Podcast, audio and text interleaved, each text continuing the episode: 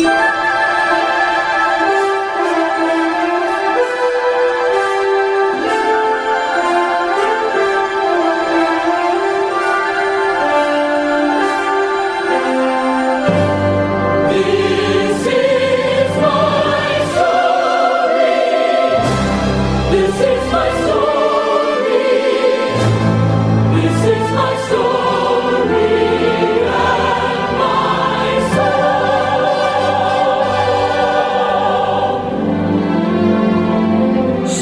Sejahtera pendengar Big On Air. Selamat bertemu kembali dalam siaran pengajaran iman Kristen Big On Air. Selama beberapa menit ke depan, kami akan menemani Anda dengan pemberitaan tentang keunikan dan keindahan iman Kristen. Dalam seri para tokoh Alkitab kali ini, narasumber kita, Bapak Sunduru Tanuwijaya, akan memperkenalkan, memaparkan pengalaman dan pergumulan termasuk dinamika iman para tokoh yang dicatat dalam kitab suci. Pengajaran iman Kristen on Air membangkitkan pengharapan hidup dalam ajaran firman Allah. Dari ruang siar, kami yang bertugas mengucapkan selamat mendengarkan. Semoga menjadi berkat. My Jesus, I love thee. I know For thee all the follies of sin I resign. My gracious Redeemer, my Savior art thou. If ever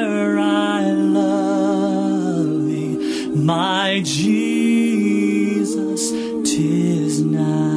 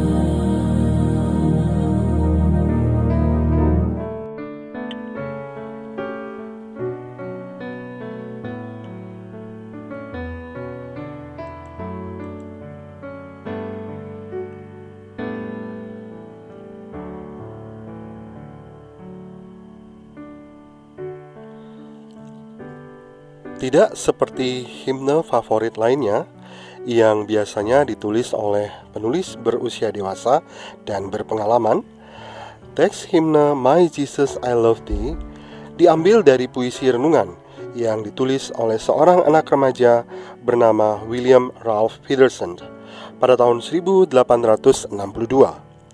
Tidak lama setelah ia bertobat dan menerima Kristus sebagai Tuhan dan Juru Selamat pribadinya. Bagaimana mungkin seorang berusia remaja dapat menuliskan puisi yang sangat bermakna ini? Jawabannya bukan karena usia seseorang, apakah dia dewasa atau remaja, tapi perjumpaannya dengan Yesus Kristus. Ketika seseorang digerakkan untuk datang kepadanya, demikian pula lah dengan William, seorang anak remaja. Ketika di usia remajanya, dia sudah diperhadapkan dengan realita dosa, yaitu keterpisahan abadi dengan Allah. Pada saat itu, dia percaya bahwa hanya Kristus yang bisa menyelamatkan dia. Hanya Yesus yang dapat mengampuni dosanya. William telah berubah menjadi ciptaan baru. Dia mengalami sukacita yang luar biasa karena perjumpaannya dengan Kristus. Kalau dulu Yesus hanyalah sebuah nama, maka sekarang Yesus adalah penebus bagi William yang begitu mencintainya. Kemampuan untuk mengekspresikan cintanya kepada Yesus datang dari Roh Kudus yang hidup di dalam hati anak remaja ini. Tidak banyak yang diketahui tentang Federson, kecuali bahwa ia adalah seorang jemaat di gereja Methodist di Montreal bahwa ia masih muda ketika menulis puisi untuk himne ini. Diperkirakan dia berusia 12 atau 16 tahun pada saat itu. Bahwa ia mengirim teks puisi ini kepada bibinya di Los Angeles yang mau mendorongnya supaya puisi ini dipublikasikan. Bahwa puisi ini dikirim oleh bibinya kepada teman-teman bibinya di London di mana kemudian puisi ini diterbitkan secara anonim di London dan bahwa ia, William Ralph Peterson, meninggal di usianya yang ke-27 tahun. Kehidupan sebagian besar orang tidak dicatat dalam buku-buku sejarah, tapi kenangan tertinggal dalam hati dan pikiran keluarga dan teman-teman, dan kemudian semua berlalu dengan begitu cepatnya. Demikian juga dengan William Ralph Peterson. Ia lahir tanpa gembar-gembor pada tanggal 24 Juli 1846 di Montreal, Kanada, dan ia meninggal di kota yang sama tepat sebelum ulang tahunnya yang ke-27. Pada tahun 1876, tiga tahun setelah kematian Peterson, Adoniram Gordon membuat komposisi musik untuk himne ini dan memasukkannya ke dalam buku himne yang diterbitkan pada tahun yang sama. Meskipun William hidup hanya 10 tahun setelah menulis lagu ini, puisi Peterson My Jesus I Love Thee ini masuk dalam banyak buku nyanyian rohani selama 130 tahun terakhir dan disenangi serta dinyanyikan oleh jutaan umat Kristen sampai hari ini.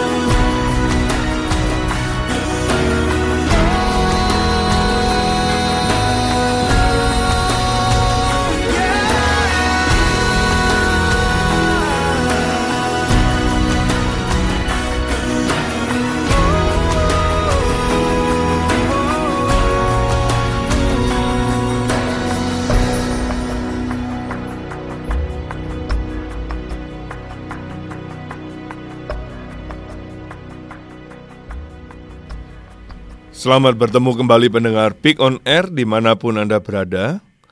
Dan selamat menikmati siaran Pick, pengajaran iman Kristen on Air bersama dengan saya, Sundoro Tanuwijaya dari Pelayanan Garam di Bali.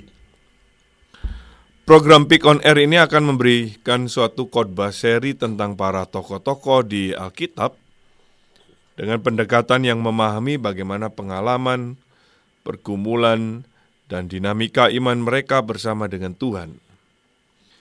Kiranya nama Tuhan kita Yesus Kristus dipermuliakan.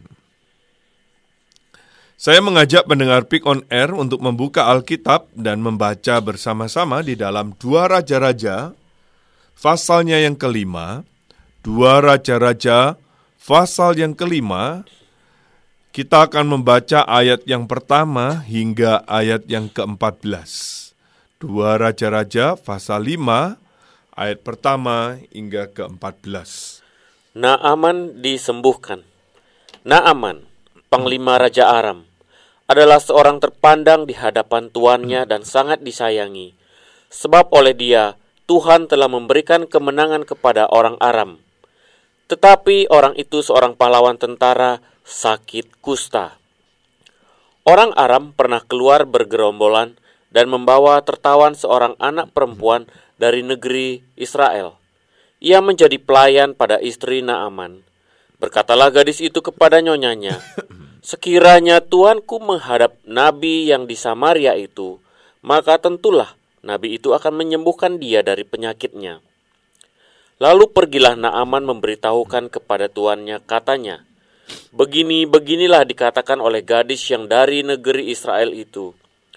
Maka jawab Raja Aram, Baik, pergilah, dan aku akan mengirim surat kepada Raja Israel.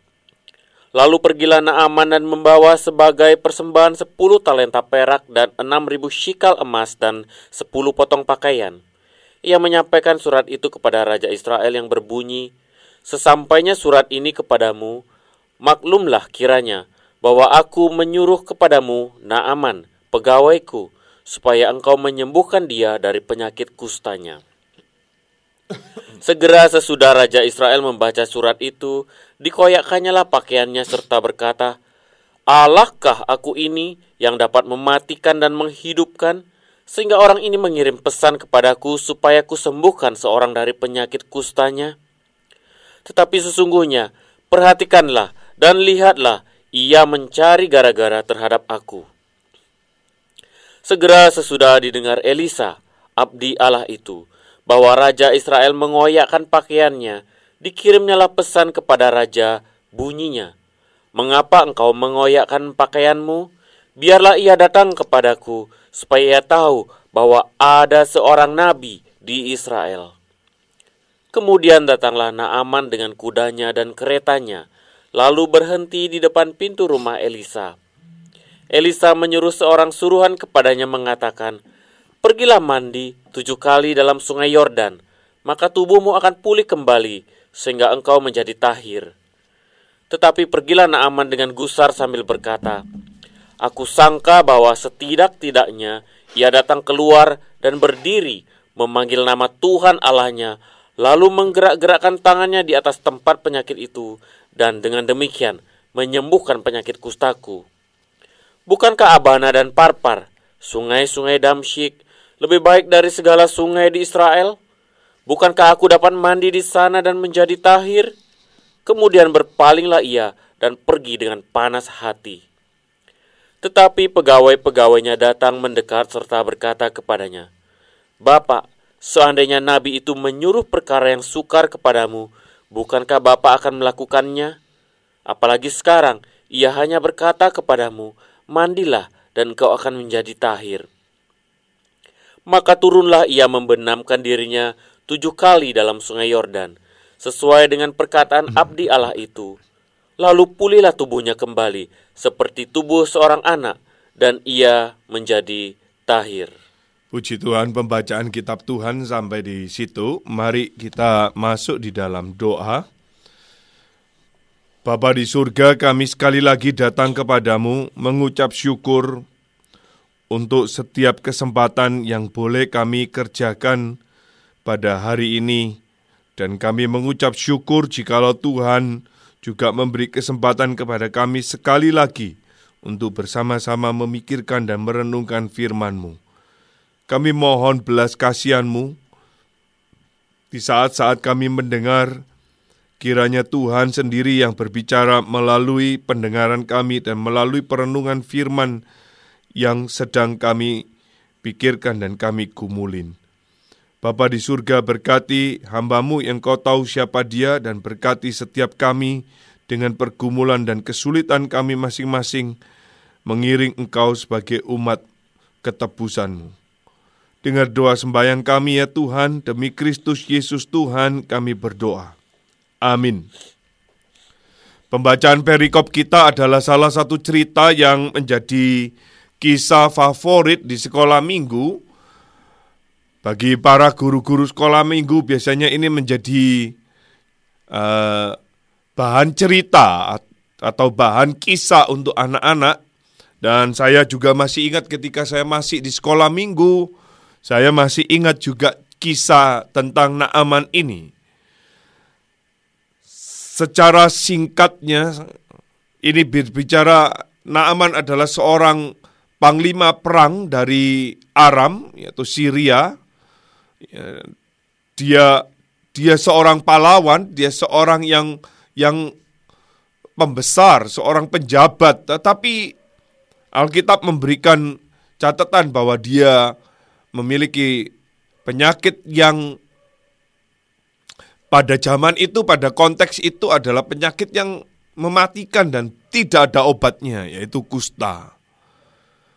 Penyakit yang saat itu dianggap sebagai yang najis, uh, ya tidak ada obat dan ini ini ini sangat memalukan begitu saudara. Memang di dalam uh, kehidupan ini kita melihat Tuhan memang sebetulnya adil ya. Ada orang yang besar tetapi dia juga toh memiliki kelemahan, dia memiliki penyakit sekalipun dia orang yang besar.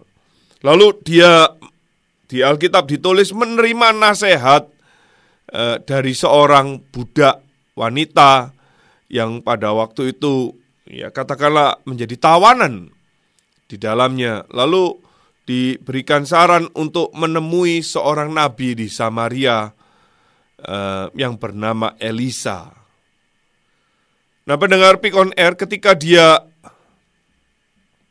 sampai di Israel membawa surat daripada Raja Aram, Raja Israel menerima surat itu dengan gusar dan dan rupanya ada ya sepertinya ada miskomunikasi begitu karena memang em, budak perempuan itu menyarankan untuk ketemu dengan sang nabi tetapi surat pengantarnya ini minta kepada raja untuk yang menyembuhkan. Nah, ini ada beberapa anggapan-anggapan asumsi. Mungkin asumsinya adalah raja memerintahkan kepada nabi itu sehingga em, dia mempunyai otoritas untuk perintahkan nabi menyembuhkan sang jenderal atau panglima yang bernama Naaman ini dan dan raja Israel merasa ini adalah satu upaya untuk mencari gara-gara, satu upaya untuk mencari masalah. Begitu sehingga dia mengatakan Tuhankah aku sehingga dia dia minta aku menyembuhkan orang yang ya, sekali lagi konteks zaman itu tidak ada obatnya, Saudara. Tetapi berita itu didengar oleh eh, oleh Elisa ya. Kehadiran Naaman itu dan surat itu didengar oleh Elisa sehingga Elisa memberikan kabar kepada raja Israel untuk ya kalau Naaman datang arahkan saja ke tempatku, ke, ke rumahku. Dan betul saudara diarahkan dan em, Naaman datang kepada Elisa tetapi setiba sampai di rumah Elisa sang panglima perang ini hanya ditemui oleh seorang pembantunya Elisa saja yaitu Gehasi.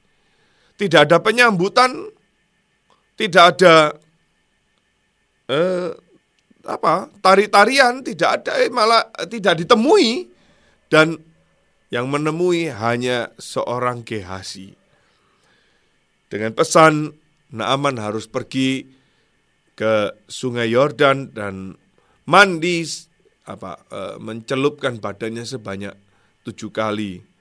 Naaman giliran yang merasa gusar, Naaman yang giliran merasa marah, tersinggung karena ya saudara eh, dia mengatakan apakah di di tempat kami nggak ada sungai yang lebih bagus, ada Abana dan Parpar.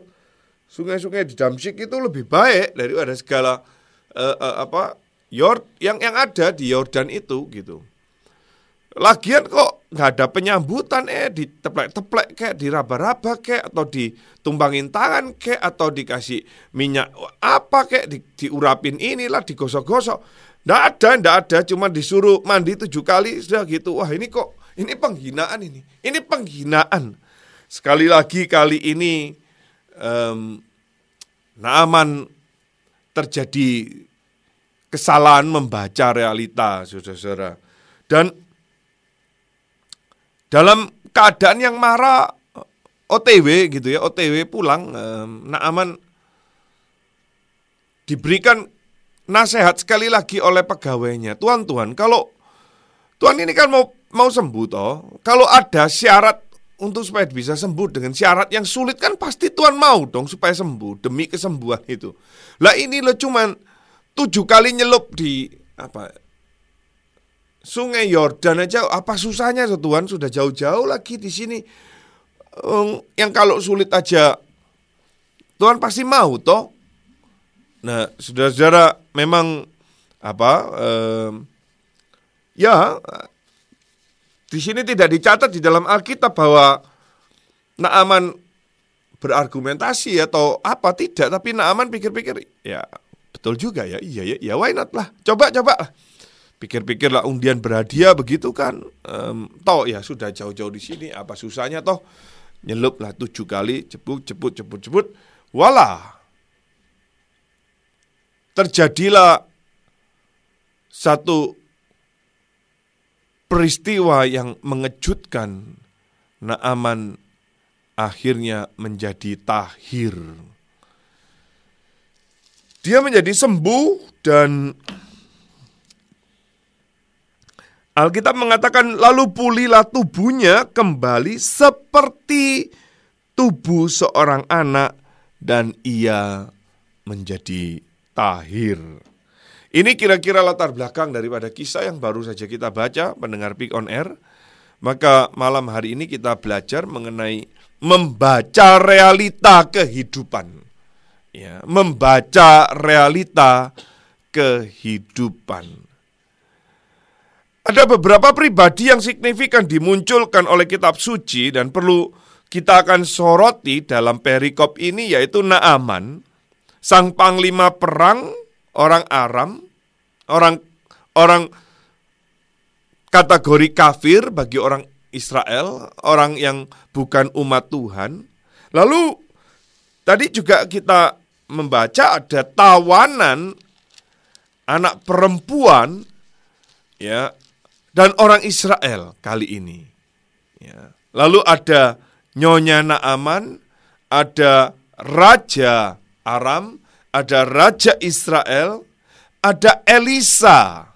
Lalu ada pegawai pegawainya Naaman yang kita tidak tahu namanya dan ada Gehasi. Nah, sosok-sosok ini yang akan menjadi um, apa sorotan pada eh, kali ini, saudara-saudara. Dan kita akan melihat, memperhatikan satu persatu apa yang diajarkan oleh kitab suci kepada kita pada malam hari ini. Ya, yang pertama, saudara, perhatikan di situ ayat ayat pertama dikatakan Naaman adalah seorang panglima perang dari Aram, ya. Bukanlah orang yang sembarangan, dia orang yang sangat terpandang, dia sangat orang yang berhasil dan ada kalimat di situ dia sangat disayangi oleh tuannya.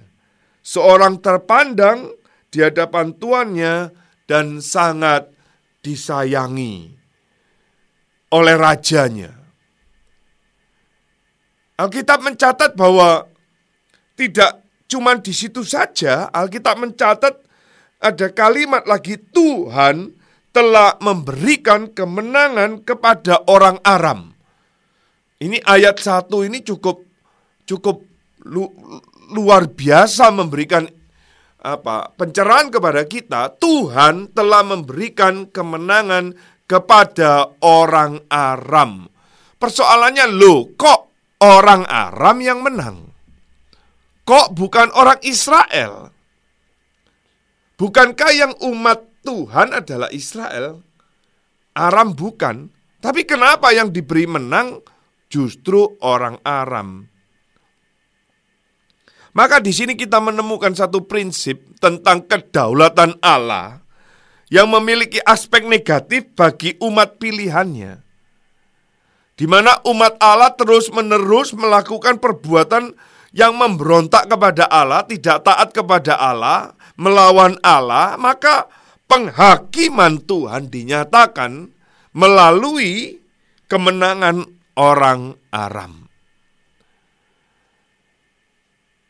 Saudara-saudara, sering kali Alkitab memberikan pengajaran kepada kita bahwa kemenangan atau keberhasilan orang yang bukan umat Tuhan diizinkan oleh Allah untuk mendidik umatnya sendiri, untuk mengajar umatnya sendiri.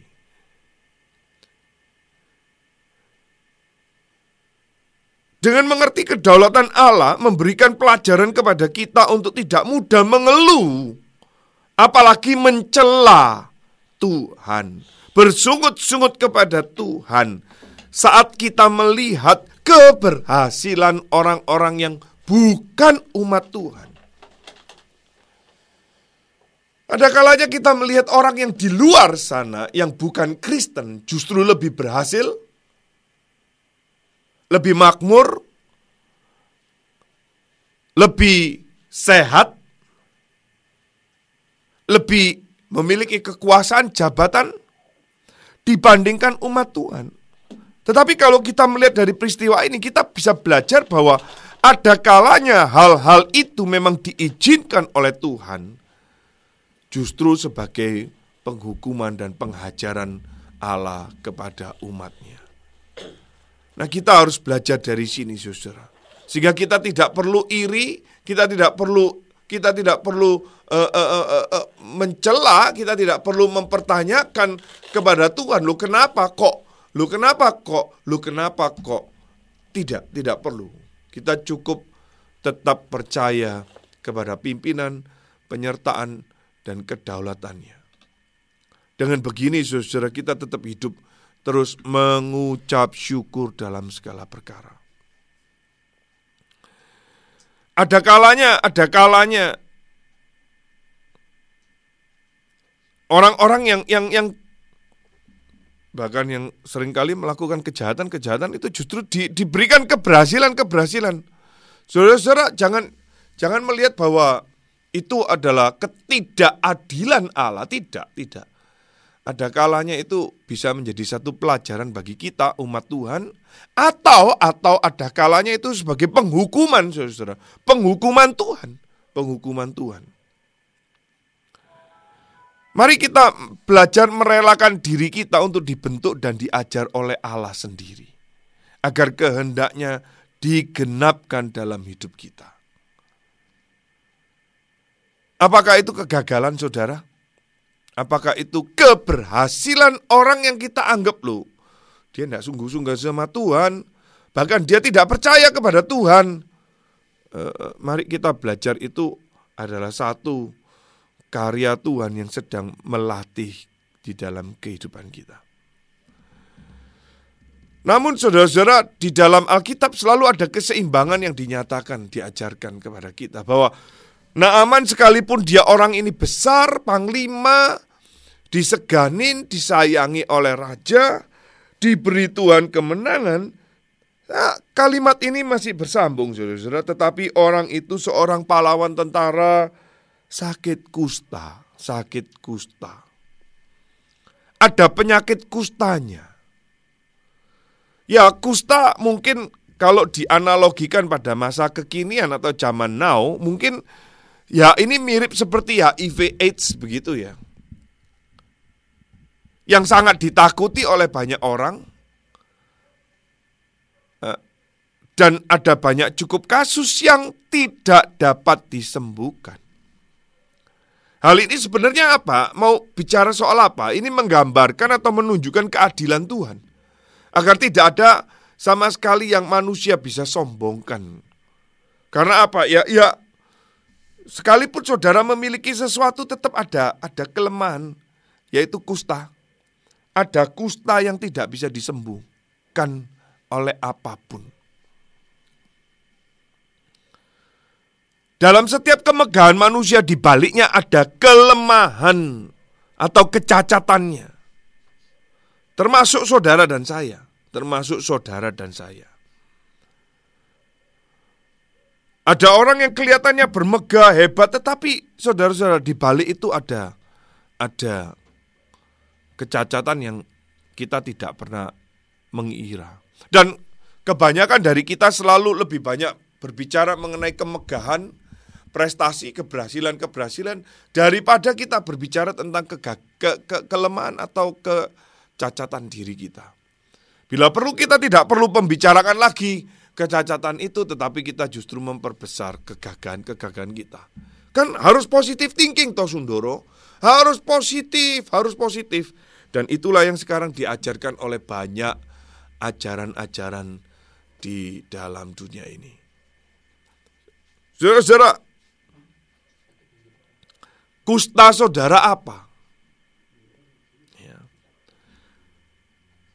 Saudara harus melihat bahwa sekalipun orang-orang yang di luar sana diberi Tuhan kemenangan, tetapi ada satu penyakit yang mereka sedang bergumul, yang mereka tidak bisa keluar di dalamnya, yang mereka terjerat di dalamnya dan itu menjerat hidup mereka, mengkekang hidup mereka, memperhamba hidup mereka sehingga mereka tidak mampu keluar dari penyakit itu.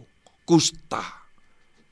Kusta ini boleh digam, boleh boleh boleh kita eh, tafsirkan atau ini gambaran dari keberdosaan manusia, saudara.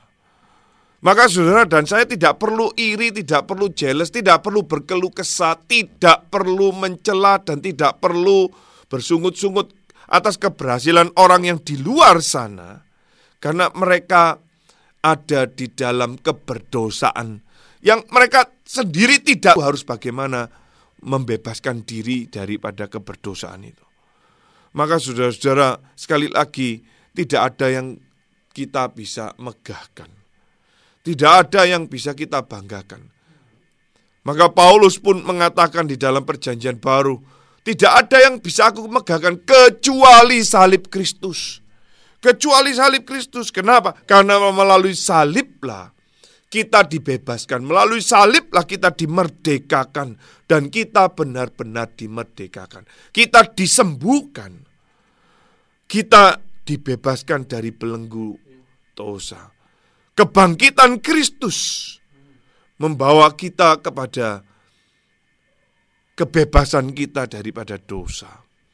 Saudara, mari kita melihat bahwa kebesaran, keberhasilan, kemenangan, dan sakit penyakit pun sekali lagi tidak lepas dari perhatian Allah dalam kedaulatannya. Dia tahu, dia tahu, Allah tahu, Tuhan tahu, dan dia memperhatikan saudara dan saya. Pertanyaan yang sering kali dimunculkan dalam kehidupan kita yaitu kalau kita melihat begini kan selalu bilang tanyanya selalu siapa yang salah? Salah siapa ini? Ini ini salah siapa? Kalau dia kena sakit kusta salah siapa ya? Oh mungkin dia hidup tidak sehat. Oh dia mungkin makannya nggak karu-karuan. Oh dia mungkin pola hidupnya nggak benar. Oh karena dia oh oh oh oh oh oh, oh, oh dan lain sebagainya. Kita pertanyaannya salah siapakah? Persoalannya bukan itu. Persoalannya bukan itu. Tetapi persoalannya adalah bagaimana kemuliaan dan kehendak Allah yang akan dinyatakan. Suatu saat Tuhan Yesus pun pernah menghadapi pertanyaan yang mirip yang mirip ketika ia melihat seorang yang buta sejak lahirnya. Murid-muridnya bertanya kepadanya, "Rabi, siapakah yang berbuat dosa? Orang ini sendiri atau orang tuanya sehingga ia dilahirkan buta?"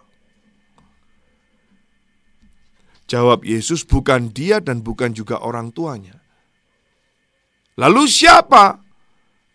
Tetapi karena pekerjaan-pekerjaan Allah harus dinyatakan di dalam dia. Kristus melanjutkan kalimatnya, kita harus mengerjakan pekerjaan dia yang mengutus aku selama masih siang. Akan datang malam, di mana tidak ada seorang pun yang dapat bekerja. Selama aku di dalam dunia, akulah terang dunia. Sesungguhnya saudara ada ada ada banyak kesulitan-kesulitan ketika kita membaca realita kehidupan ini memang ada banyak kesulitan yang kita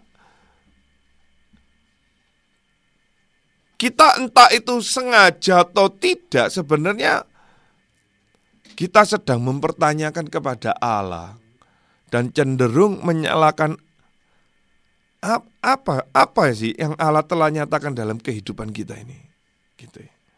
kok kok begini kok begini Kenapa aku lahir cacat? Kenapa aku terlahir dengan single parent? Kenapa orang tuaku bercerai? Kenapa aku dianggap anak haram? Kenapa aku selalu gagal? Kenapa aku selalu tidak beruntung? Kenapa sakitku kok nggak kunjung-kunjung sembuh? Kenapa ya saya kerja sudah sudah tiga perempat mati ya, ndak ndak ndak menghasilkan tabungan pun ndak ada gitu loh. Lalu kenapa? Kenapa ada orang yang kerjanya cuma santai-santai tapi menghasilkan ratusan juta, puluhan juta dalam waktu sekejap? Kenapa? Kenapa aku begini ironis? Kenapa orang itu kok tidak? Kenapa? Kenapa kegagalan demi kegagalan yang aku temui? Sedangkan orang itu loh kok selalu apa happy happy saja, berhasil, gemuk, dan seolah-olah nggak ada penyakit, nggak ada penyakit. Kenapa? Kenapa? Nah, saudara-saudara ini bisa saudara perpanjang daftar-daftar ini. Seorang ibu datang kepada saya, Saudara saya berdoa bertahun-tahun untuk meminta seorang anak kepada Tuhan. Bertahun-tahun, bertahun-tahun. Lalu Tuhan jawab, saya mengandung dan melahirkan seorang anak. Saya mengatakan puji Tuhan ibu. Tunggu dulu Sundoro, cerita saya belum selesai. Uh, saya kaget. Tapi kenapa Tuhan kasih anak saya autis?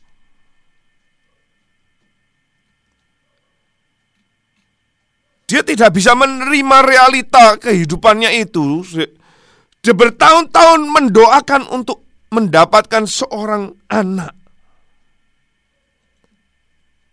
Saya tidak bertanya waktu itu tepatnya berapa tahun dia menantikan kehadiran seorang anak. Tapi yang jelas ibu ini sudah cukup usia dan saya sempat bertemu dengan pasangannya. Ya, pasangan suaminya juga sudah cukup usia.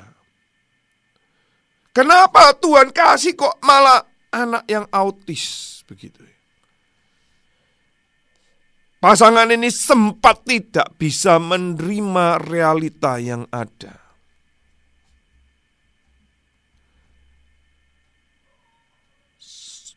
Pendengar Pick on Air di mana pun Anda berada, saya pun tidak punya jawabannya.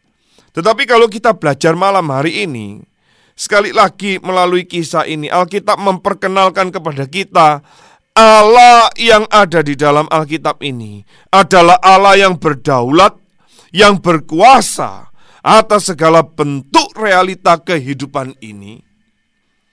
Belajarlah mengenal, belajarlah mengenal Dia melalui Kristus Yesus. Allah yang di dalam Alkitab ini, Allah yang diajarkan oleh Alkitab adalah Allah yang hidup, Allah yang menciptakan langit dan bumi, Allah yang karyanya sedang dinyatakan di dalam kehidupan saudara dan saya. Dia adalah Allah yang baik. Segala ciptaannya adalah baik. Dan dia memberikan yang terbaik bagi kita. Belajarlah mengenali dia melalui Kristus Yesus.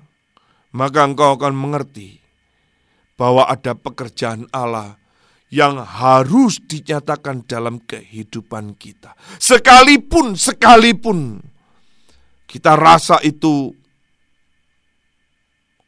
bakpil pahit yang harus kita telan.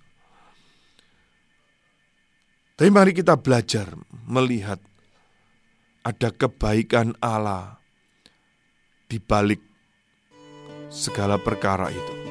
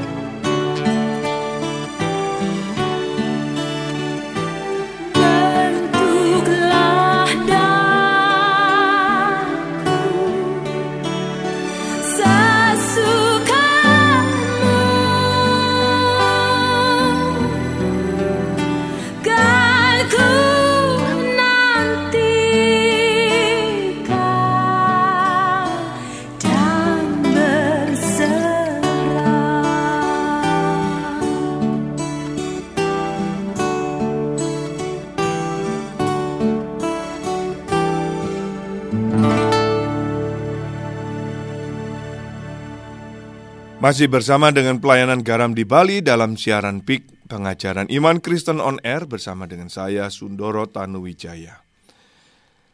Mari kita melihat kembali di dalam Alkitab kita di dalam ayat yang kedua dan yang ketiga masih di dua raja-raja pasal yang kelima.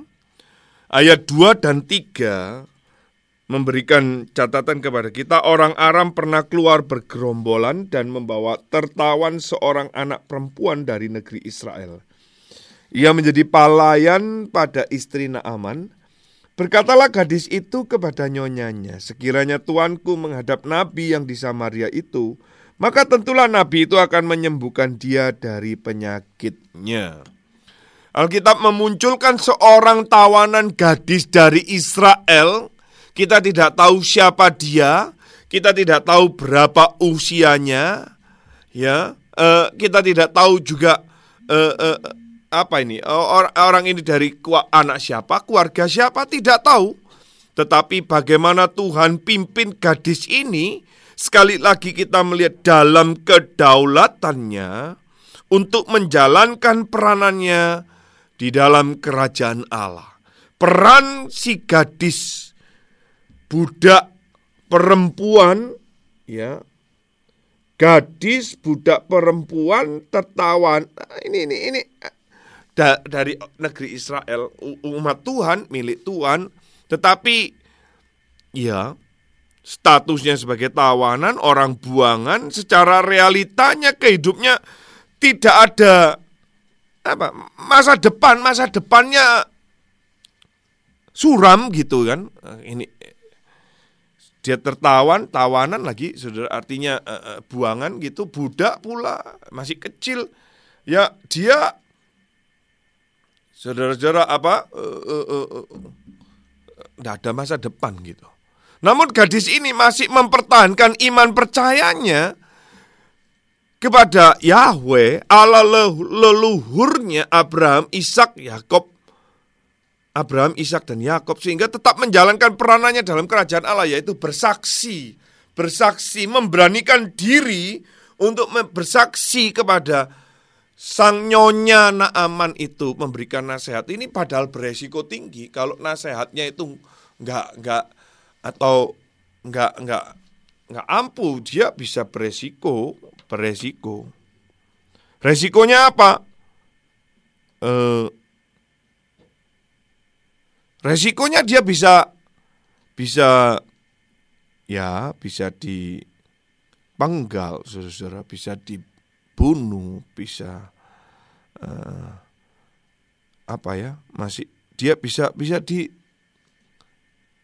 celaka dia masuk penjara. Jadi tetapi dia punya iman untuk menjalankan itu dan dia bersaksi sehingga menjadi berkat.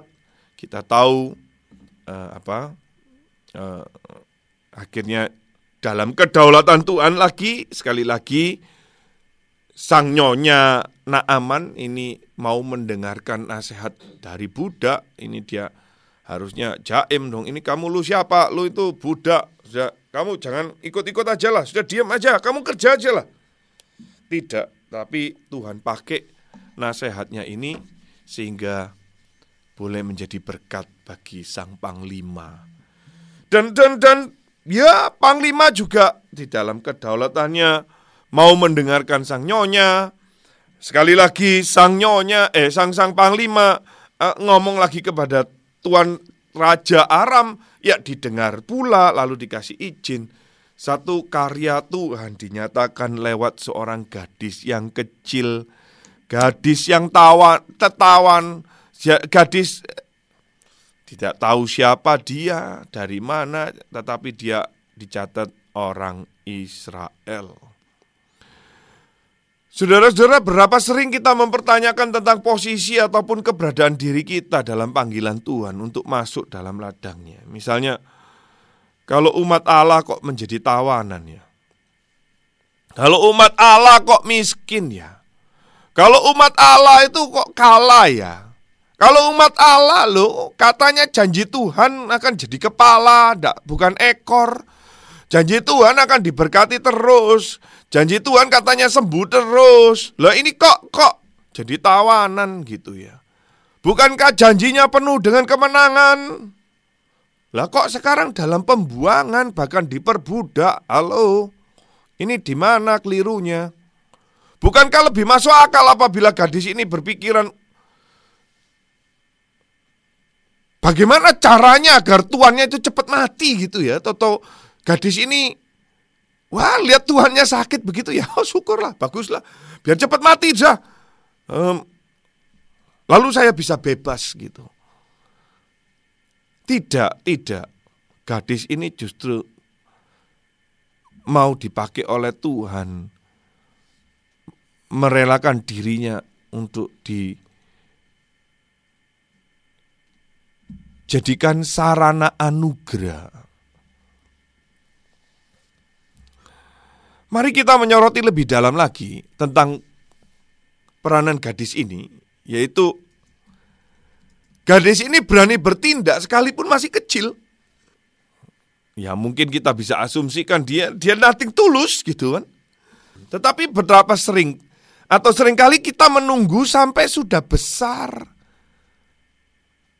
baru mau bertindak gitu. Ada ada banyak orang yang mengatakan, "Oh ya, nanti aja nanti Sundoro ya. Saya saya akan akan ikut pelayanan Sundoro. Kalau saya nanti sudah sudah sudah punya uang, kalau saya sudah punya ini, kalau saya sudah bisa, kalau oh, oh, nanti kalau saya sudah ada lebih banyak waktu Sundoro. Kali ini saya belum ada banyak waktu gitu ya.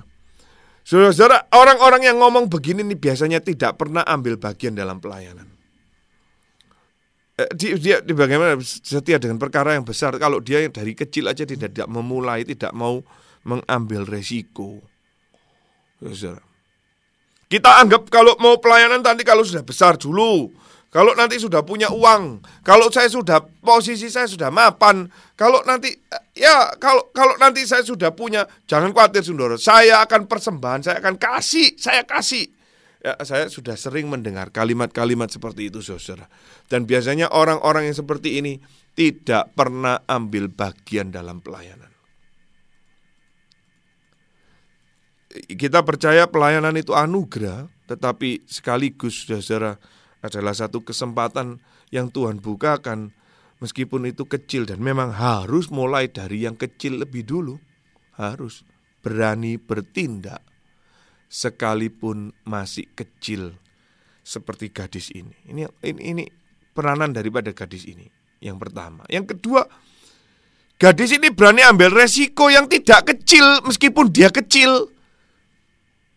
Dia orang yang tawanan, dia budak, tapi resikonya tidak kecil. Dia orang kecil, tapi mengambil resiko yang tidak kecil. Kalau nasihatnya tidak tidak benar, nyawanya bisa sebagai taruhannya.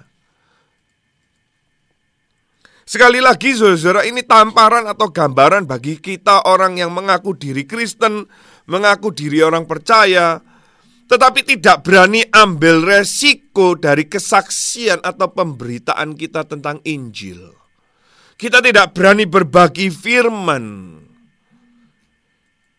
Kita lebih nyaman, lebih nyaman dengan berita-berita yang menyenangkan telinga, berita-berita yang yang ya so called tanda kutip itu positif, positive word gitu ya. Jangan ngomong yang negatif, Sundoro. Selalu bicaralah yang positif, positif. Positif thinking dong, positif thinking. Saudara-saudara, saya juga cukup terlalu amat sangat sering mendengar kalimat-kalimat ini. Orang-orang yang cuma ngomong positif thinking, positif word, positif positif itu banyak yang menipu diri, menipu diri, tidak mau jujur dengan diri. Saudara. Lalu dia mengatakan, aku bisa, aku bisa, aku bisa. Kalau memang kau bisa, coba jadilah gubernur sini. Bisa nggak? Jadilah wali kota sana terus katakan tiap pagi aku bisa, aku bisa jadi gubernur, aku bisa jadi wali kota. Permisi coba silakan saya ingin tahu bisa tidak. I- itu penipuan diri, tidak jujur dengan diri. Ya. Kenapa ketika kita memberitakan firman, memberitakan Injil itu mulut kita tertutup rapat, rapat. Susah sekali untuk berbicara. Tetapi kenapa kita begitu mudah bercerita, berkisah, berbagi? Padahal cerita dan kisah itu juga orang itu juga sudah sudah sama, sudah tahu, sama-sama tahu. Satu kali kita saya habis nonton satu film begitu lalu saya bercerita, eh ini film ini bagus lalu teman saya bilang oh iya bagus saya juga sudah lihat, wah terus akhirnya kita cerita panjang lebar mengenai film yang sama-sama kita tonton.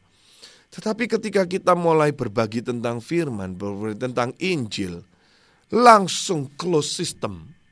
Langsung kita tertutup dan kita kita takut orang itu tersinggung lah, kita takut takut mengintervensi orang itulah. Akhirnya ya sudahlah kita akhirnya lebih nyaman ya sudah diam-diam aja lah, sudah diam-diam aja. Maka saudara-saudara tidak sedikit juga gereja yang akhirnya tidak lagi ada pemberitaan Injil. Bahkan ada satu rekan saya mengatakan, Sundoro kamu tidak bisa ke daerah saya. Ke daerah saya, kalau kamu ke daerah saya nggak bisa. Saya tanya kenapa? Kenapa? Nggak bisa, kalau kamu ke daerah saya, kamu nggak boleh khotbah tentang dosa. Kamu nggak boleh membongkar tentang dosa. Jangan berbicara tentang dosa di atas mimbar. Kalau kau bicara tentang dosa, kau pasti diturunkan dari mimbar. Atau ya sudah, kau, kamu akan selesai, selesai. Finish, hasta la vista. The end, end gitu, akhir. Saya bilang kenapa? Karena mereka nggak suka, nggak suka bicara tentang dosa. Lalu bagaimana dong? Ya mereka sukanya itu yang yang lucu-lucu, khotbahnya yang lucu-lucu. Nah, kalau begitu ngundang aja stand up comedian bukan bukan pengkhotbah. Ya, memang ini yang terjadi. Ini yang terjadi, saudara. Tidak demikian dengan gadis Israel, gadis kecil, gadis budak, gadis tawanan. Dia mengambil resiko yang tidak kecil. Saudara-saudara, ketika kita memberitakan Kristus, ketika kita memberitakan Kristus, ada peperangan rohani. Ketika kita memberitakan Kristus, ada satu pertempuran di sana. Pertempuran rohani, spiritual, warfare. Sehingga jangan kaget kalau kita mulai berbicara tentang Injil itu resikonya tidak kecil, resikonya tidak kecil. Yang ketiga, gadis ini juga membuktikan bahwa dia memiliki iman yang besar meskipun dia ini kecil. Dia punya iman yang besar sehingga dia mendor, terdorong dan mendorong sang tuan untuk berani menghadap atau kasih informasi mengenai posisi daripada sang nabi yang di Israel itu. Dia berani memberitahu kepada tuannya. Imannya dari mana? Bukankah dia masih muda? Bukankah dia seorang budak saja? Tapi dia punya iman. Dia tahu ada seorang nabi yang bisa menyembuhkan. Saudara-saudara kita mengaku diri beriman kepada Kristus. Kita mengaku diri punya Allah yang besar. Kita mengaku diri punya Allah yang ajaib. Tetapi ketika kita bersaksi seolah-olah kita tidak ada lagi dorongan. Ketika kita bicara tentang penginjilan, kita tidak ada lagi gairah, tidak ada kekuatan, tidak ada keberanian, tidak ada iman di dalamnya. Gadis kecil ini tidak demikian. Dia melangkah, dia beriman, dan dia buktikan itu. Sekali lagi saudara Alkitab menunjukkan kepada kita, mengajarkan kepada kita pada malam hari ini. Bagaimana Allah tidak luput perhatiannya kepada gadis tawanan yang masih muda ini. Dalam kedaulatannya gadis ini tidak salah membaca realita kehidupan yang sedang dialami. Dia mungkin bolehlah dia sebagai budak tetapi secara rohani dia tidak budak, dia justru bebas. Bolehlah dia dianggap kecil tetapi dia cukup dewasa imannya dan besar imannya. Dia tidak salah membaca realita. Lalu dia, oh saya jadi budak, ya sudahlah budak, sudah, sudah budak saya diam aja. Tidak, tapi dia tetap berkarya, dia bersaksi. Bagaimana Anda membaca realita kehidupanmu saat ini? Saudara merasa, oh tadi gagal, sakit gak kunjung sembuh, utang gak kunjung mereda, eh, persoalan gak kunjung berkurang. Lalu saudara bagaimana? Berkeluh? Bersungut-sungut? Adakah itu menolong saudara? Adakah itu membantu saudara? Adakah itu menghibur saudara? Adakah itu memberikan jalan keluar kepada saudara? Dalam kehidupan kita saat ini tidak selalu Tuhan akan tempatkan kita Ya seperti Elia, seperti Elisa, seperti orang-orang besar itu. Ya alangkah indahnya jika memang seperti itu. Ya. Tetapi mungkin saja saudara dan saya sebagai sebagai gadis tawanan yang muda ini. Jangan tanya salah siapa. Tetapi mari kita belajar bagaimana membacanya bahwa ada karya Allah yang akan dinyatakan. Ayat 4 dan 5 kita menemukan di situ. Lalu pergilah Naaman memberitahukan kepada tuannya katanya beginilah, beginilah dikatakan oleh gadis yang dari negeri Israel itu, maka jawab Raja Aram, baik pergilah dan aku akan memberi mengirim surat kepada Raja Israel. Lalu pergilah Naaman dan membawa sebagai persembahan 10 talenta perak dan 6000 sikal emas dan 10 potong pakaian. Kembali kita diperlihatkan oleh Alkitab, diajarkan oleh Alkitab bagaimana pimpinan Tuhan itu mengherankan karena begitu gampang, klik langsung, lancar, sang nyonya Naaman mendengarkan nasihat, menerima nasihat dari sang budak, lalu sang sang sang sang nyonya lapor kepada sang panglima, sang panglima lapor kepada sang tuan raja, lalu tuan raja ACC dikasih surat pengantar, Waduh, saudara-saudara, ini kita melihat bagaimana Tuhan bekerja. Genaplah apa yang dikatakan oleh Amsal Soleman. Hati raja itu ada di tangan Tuhan. Kalau Tuhan sudah memegang hati raja itu, dia alirkan hati raja itu seperti aliran-aliran sungai. Dibuatlah itu seperti aliran-aliran sungai. Ketika kuasa dan kedaulatannya Tuhan dinyatakan, maka kita akan terheran-heran bagaimana itu bekerja sehingga semuanya bisa seolah-olah connect, bisa seolah-olah ya kita bahasa kita itu selalu dilancarkan. Di di di di, di apa di diluruskan di di apa dilancarkan ya. Sedemikian rupa sehingga Sadar atau tidak itu sebetulnya kedaulatan Allah sedang dinyatakan. Saudara-saudara saya dulu pernah mengikuti beberapa organisasi pelayanan gerejawi, ada yang pelayanan misi juga. Di mana beberapa dari mereka mempunyai satu konsep pemikiran yang berpendapat bahwa Ya kalau untuk menjangkau satu komunitas kita perlu menempati posisi atau status yang sama supaya bisa membangun jembatan berkomunikasi gitu ya. Contohnya kalau saudara sebagai seorang perselancar begitu ya kita perlu menjadi seorang server perselancar lalu kita bisa berkomunikasi dengan orang-orang yang sama-sama perselancar. Atau saudara untuk menjangkau kaum bisnis gitu, pengusaha, ya kita juga harus menampilkan diri sebagai sesama pengusaha.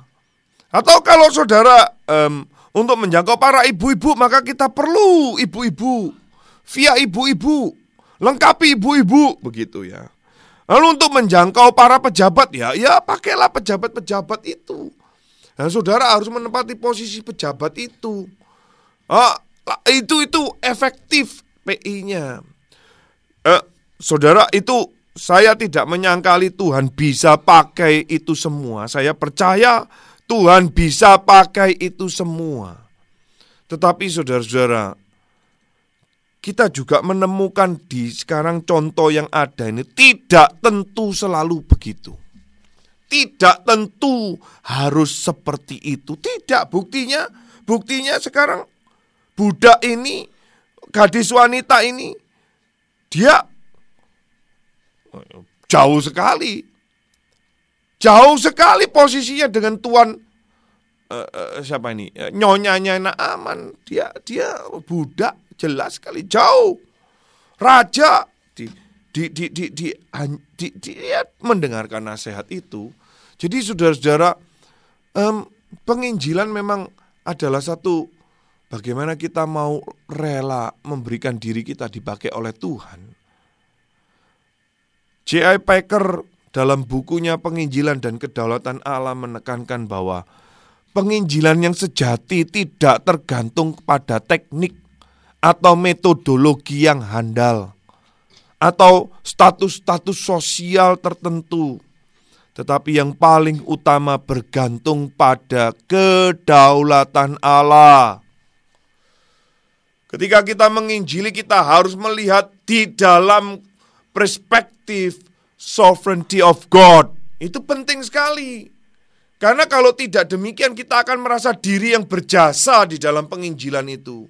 Kita merasa dirilah yang yang yang yang yang berhasil melakukan itu. Kita tidak melihat itu dari kedaulatan Allah. Ada seorang hamba Tuhan di dalam pelayanan yang sangat oh saudara-saudara dalam hitungan dunia atau kacamata luar itu sangat luar biasa. Dia ada di tengah-tengah, dia berada di tengah-tengah eh, kelompok-kelompok marginal daerah-daerah yang kumuh, tetapi dia bisa membangun gereja. Lalu dia mengatakan kalimat-kalimat yang membuat saya kaget sekali, saudara. Dia gedung gereja ini adalah hasil puasa 40 hari 40 malam. Ini yang mengerjakan lantai ini saya, ini yang saya kerjakan ini saya, saya, saya, saya. Lu, saudara-saudara, lupa, lupa peran Tuhan di mana? Apakah itu peran saya? Apakah itu peran kita? Ataukah itu peran Tuhan? Nah ini saudara. Mari kita belajar melihat itu. Penginjilan dan kedaulatan Allah. Ada lagi teknik-teknik, metode-metode, langkah, tahap satu, tahap dua, tahap tiga, langkah satu, langkah dua. Oh, itu bagus, itu bagus untuk melatih kita lebih lincah di dalam berPI. Tetapi bukan itu kunci utamanya. Bukan itu kunci utamanya. Lalu ada klinik-klinik, lalu ada exercise-exercise, ada latihan, lalu ada target-target. Ayo, harus sekian, harus sekian. Dalam satu tahun harus sekian. Loh, saudara-saudara, di mana posisi kedaulatan Tuhan?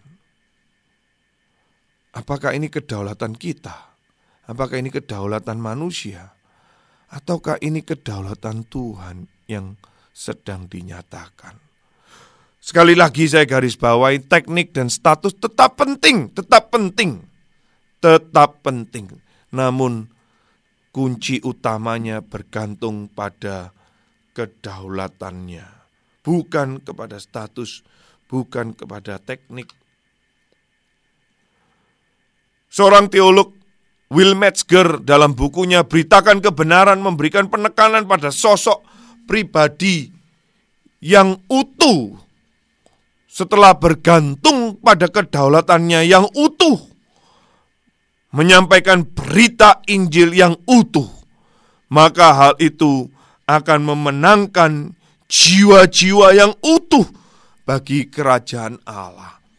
Saudara-saudara, pribadi yang tidak utuh memberitakan Injil yang tidak utuh, maka akan mendapatkan jiwa-jiwa yang tidak utuh.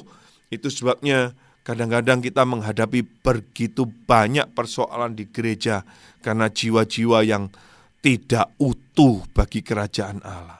Mari kita dengan seutuhnya memberikan diri kita dibentuk oleh Tuhan, lalu bergantung seutuhnya kepada kedaulatan Tuhan untuk menyampaikan berita Injil yang utuh, sehingga kerajaannya dinyatakan.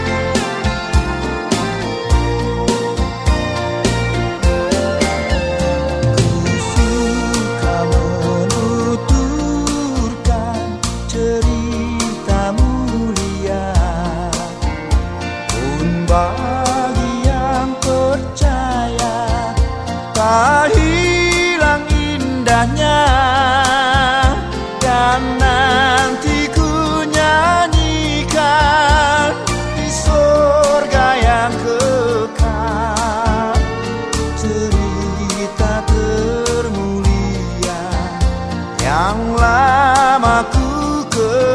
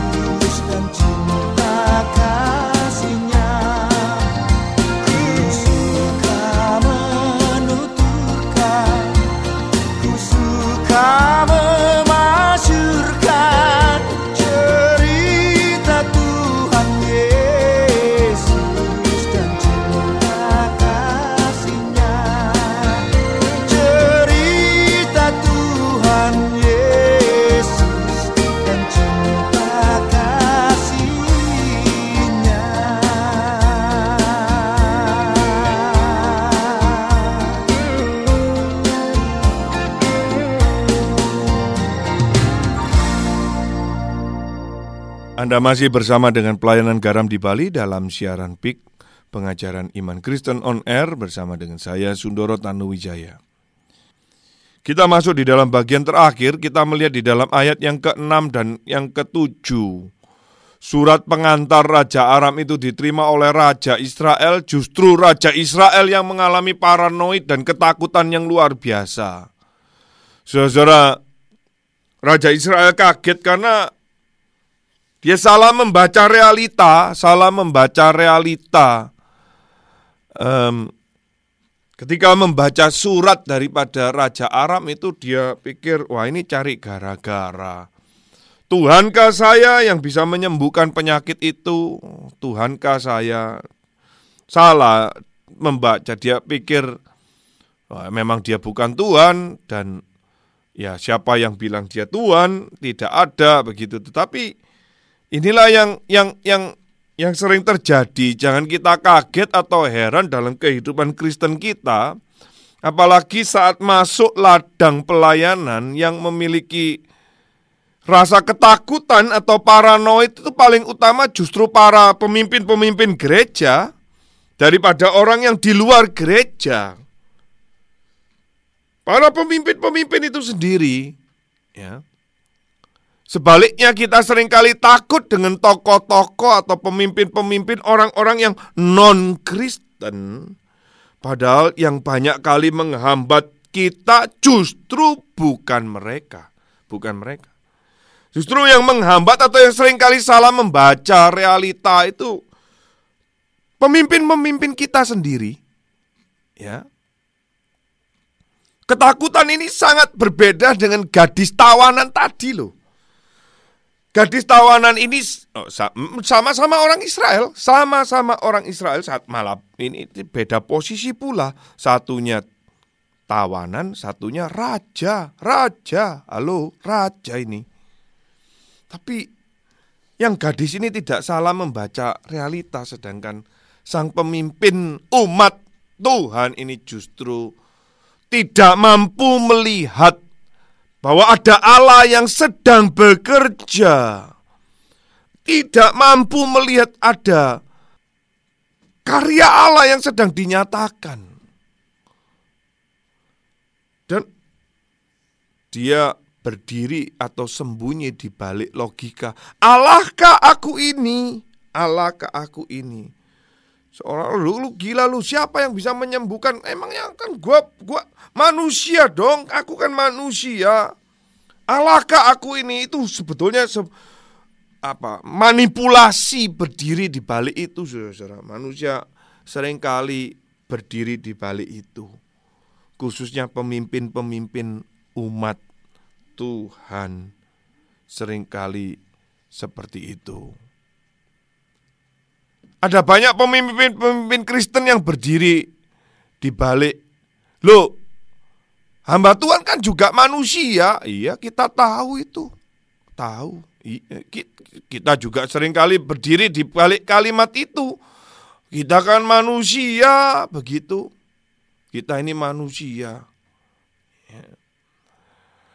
Um, ini alasan-alasan yang sering kali dibangun ya, self defense mechanism, satu alasan-alasan uh, yang sedang kita bangun dan inilah kesalahan membaca para pemimpin-pemimpin Kristen kita saat ini. Memang benar kita tidak boleh menaruh pengharapan kita kepada mereka karena mereka hanya manusia saja. Namun secara realita mereka lah yang menjadi patron, mereka lah menjadi pemimpin, mereka menjadi teladan, mereka menjadi panutan, mereka menjadi uh, uh, uh, yang yang yang kita ikuti. Mereka ngomong apa? itu yang kita ikuti. Mereka yang menjadi pengajar kita. Bukankah ya mereka harusnya juga menjadi teladan, mereka harus menjadi patron, menjadi model, menjadi pengarah. Harusnya seperti itu demi bukan? Ya, harusnya harusnya seperti itu, tapi sering kali kita tidak menemukan itu. Ini menjadi persoalan yang khusus bagi kita para pemimpin-pemimpin. Jadi saudara yang ada sebagai pemimpin-pemimpin eh, apalagi yang tidak mampu membaca sebuah realita. arahnya yang arahnya mau ke mana, umat akan dibawa ke mana, umat akan dibawa ke mana. Banyak pemimpin-pemimpin yang tidak melihat bahwa ada Allah yang turut bekerja untuk mendatangkan kebaikan dalam segala perkara itu. Banyak pemimpin-pemimpin gereja yang tidak mampu membaca sebuah realita kehidupan anak-anak anak-anak sekolah minggunya, generasi mudanya.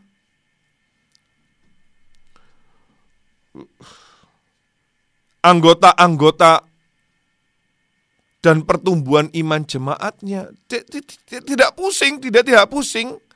Yang yang yang dia pusingkan adalah ya sering kali hanya persoalan-persoalan operasional. Bagaimana gedung, bagaimana um, fasilitas, bagaimana gaji-gaji um, atau eh, pembayaran-pembayaran apa eh, saudara-saudara tapi mereka lupa ada satu realita yang sedang dihadapi oleh anak-anak sekolah minggu, eh, anak-anak remaja, anak-anak pemuda dan pertumbuhan iman jemaatnya. Kiranya Tuhan menolong kita, kiranya Tuhan menolong dan beranugerah kepada kita sehingga kita diberikan satu kemampuan untuk mengerti ada pekerjaan Tuhan yang sedang dan akan dinyatakan di dalam kehidupan kita. Sehingga apa pun yang kita hadapin, mari kita belajar melihat dari perspektif kedaulatan Allah. Sehingga kita tidak salah membaca realita dalam kehidupan kita. Mari kita berdoa. Bapa di surga kami sekali lagi bersyukur dan berterima kasih untuk perenungan kami malam hari ini. Mohon belas kasihan Tuhan dan kasih karunia Tuhan terus memimpin kami. Sehingga kami menghadapi setiap perkara boleh, terus memandang kepada salibmu. Di dalam setiap perkara persoalan termasuk kegagalan, ketidakberhasilan, ketidakberuntungan, kecelakaan, kami boleh melihatnya itu di dalam kedaulatanmu, sehingga kami boleh memiliki pengharapan dan penghiburan senantiasa, dan rela dipakai oleh Tuhan menjadi alat-alat bagi hormat dan kemuliaan namamu.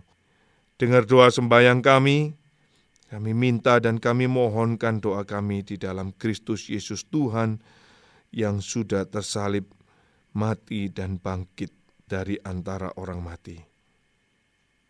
Amin.